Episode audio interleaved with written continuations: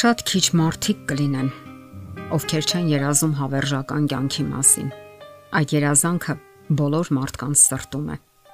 Եվ այն ոչ միայն երազանք է, այլ վաղ թե ուշ կարող է իրականություն դառնալ նրանց համար, ովքեր ձգտում են դրան եւ ջանքեր են գործադրում։ Հարցն այն է, որ դա սոսկ մտածածին երազանք չէ, այլ Աստծո խոստումն է իրեն սիրողների համար։ Այդ խոստումը բազմիցս կրկնվում է Աստվածաշնչում եւ դա յուրաքանչյուր հավատացյալի վերջնական նպատակն է։ Իսկ երկրային կյանքում մենք որոնում ենք այն եւ Աստծո հետ փոխհարաբերություններով։ Իսկ երկրային կյանքում մենք որոնում ենք այն եւ Աստծո հետ փոխհարաբերություններում պատրաստվում այդ մեծ իրադարձությանը։ Պատրաստվում ենք նրա կամքը կատարելու միջոցով այդ կամքը որոնելով։ Իսկ այն բացված է նրա հավերժական խոսքում Աստվածաշնչում Ուսումնասիրելով այդ հրաշալի ու հավերժական խոսքը, մենք սովորում ենք ամեն բան, այդ թվում նաև խնդրելու արվեստը։ Խնդրում ենք գիտակցելով, որ առանց նրա ոչինչ չենք կարող անել, որ ունենք նրա կարիքը, եւ սա կարող է լինել մեր ամենամեծ կարիքն ու խնդրանքը։ Հավերժական կյանքը հենց այնպես չի տրվելու ոչ մեկին։ Այն անցնում է ջանքերի, հաճախ էլ մակարումների միջով Մեր կյանքի ուղին ընթանում է բազմաթիվ դժվարությունների միջով, եւ մարդը ամեն պահի փորձում է գտնել այդ դժվարությունների բացատրությունը։ Այս կյանքում մենք այդպես էլ չենք կարող պատասխանել շատ ու շատ հարցերի։ Իսկ ահա հավերժական կյանքում շատ գաղտնիքներ կբացվեն մեր առաջ, որոնցից մեկն էլ մեր դժվարությունների պատճառներն են։ Աստվածաբանը գրում է. Դրախտում կպարզվեն պատճառները, որոնք առաջ են բերել այս կյանքի դժվարություններն ու տարակուսանքների առիթ հանդիսացել։ Այնտեղ, որտեղ մենք միայն խառնաշփոթություն եւ հիասթափություն ենք տեսել, փլուզված նպատակներ եւ ձախողված ծրագրեր, կտեսնենք մեծ ու համապարփակ հաղթական նպատակներ եւ աստվածային ներդաշնակություն։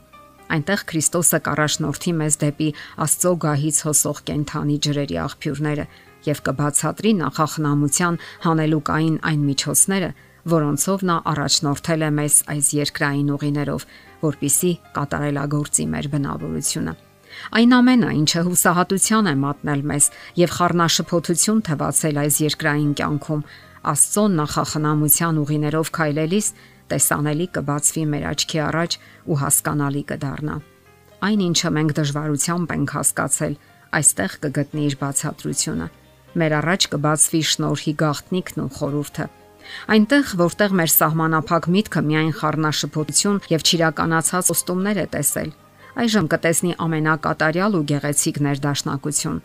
Մենք կհասկանանք, որ անսահման սերն է մեզ առաջնորդել այն փորձությունների միջով, որոնք առավել ծանր էին թվում մեզ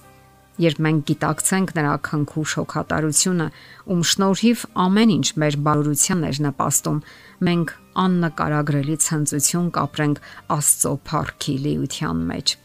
Իսկ բոլոր դեպքերում ինչ էլ որ անենք, Աստված չի դադարում մեզ սիրել։ Նա սիրում է մեզ, դրա համար էլ ներում է եւ ժամանակ է տալիս։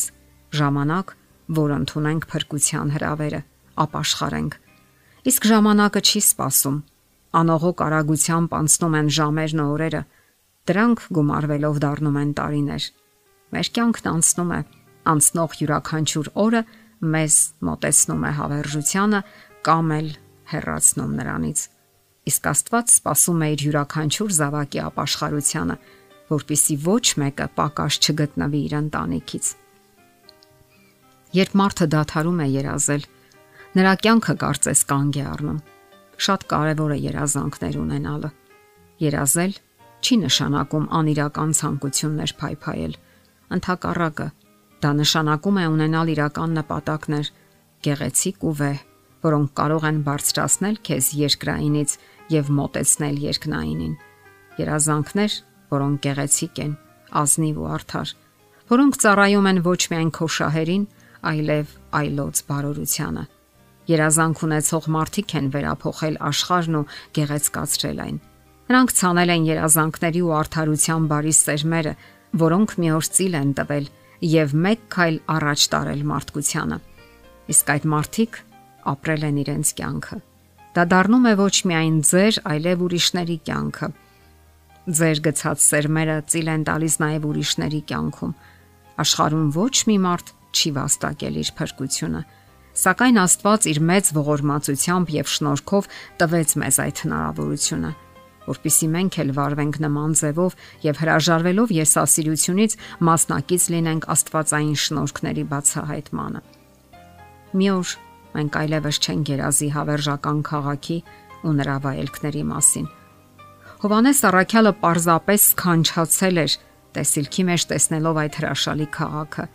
եւ նա համեմատում է այն իր փեսայի համար պատրաստված հարսի հետ։ Պանը կարագրում է այդ քաղաքը, որ զարդարված էր ամենահնարավոր գեղեցիկ ու թանկարժեք քարերով՝ ոսկի, զմրուխտ, հասպիս, տպազիոն եւ այլն։ Եվ այդ քաղաքն է այսօր ապրում իր բոլոր հետևորդների երազանքներում եւ ապագայի ցոլքերում։ Ահա մեր երազանքը եւ հաղթանակների հաղթանակը։ Մենք հիանում ենք այս աշխարհի գեղեցկություններով ու վայելքներով, գեղեցիկ քաղաքներով եւ օվկիանոսներով, ծովափներով, իրիկնային երկներանգ լույսերով ու զվարճության վայրերով։ Մենք ամեն ինչ անում ենք, որ գումար վաստակենք եւ մեր կյանքը ճոխացնենք ամենահնարավոր վայելքներից օգտվելու համար։ Մենք տխրում ենք եւ հսկայական ջանքեր թափում, որpիսի մեր կյանքն ուրախ անցնի։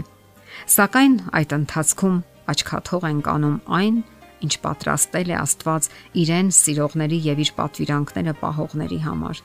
եւ մի անգամ այն ձրի առանց գումարի այն ինչը արժանի չէ նույնիսկ համեմատվելու երկրային որևէ վայելքի ու բավականության հետ աշխարհում ոչ մի մարդ չի վաստակել իր փրկությունը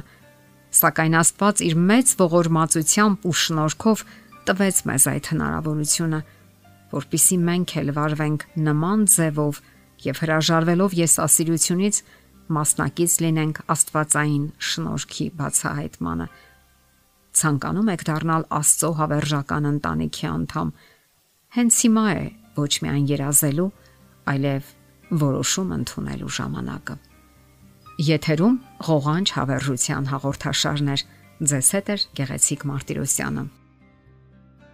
Հարցերի եւ առաջարկությունների համար զանգահարել 033 87 87 87 հեռախոսահամարով։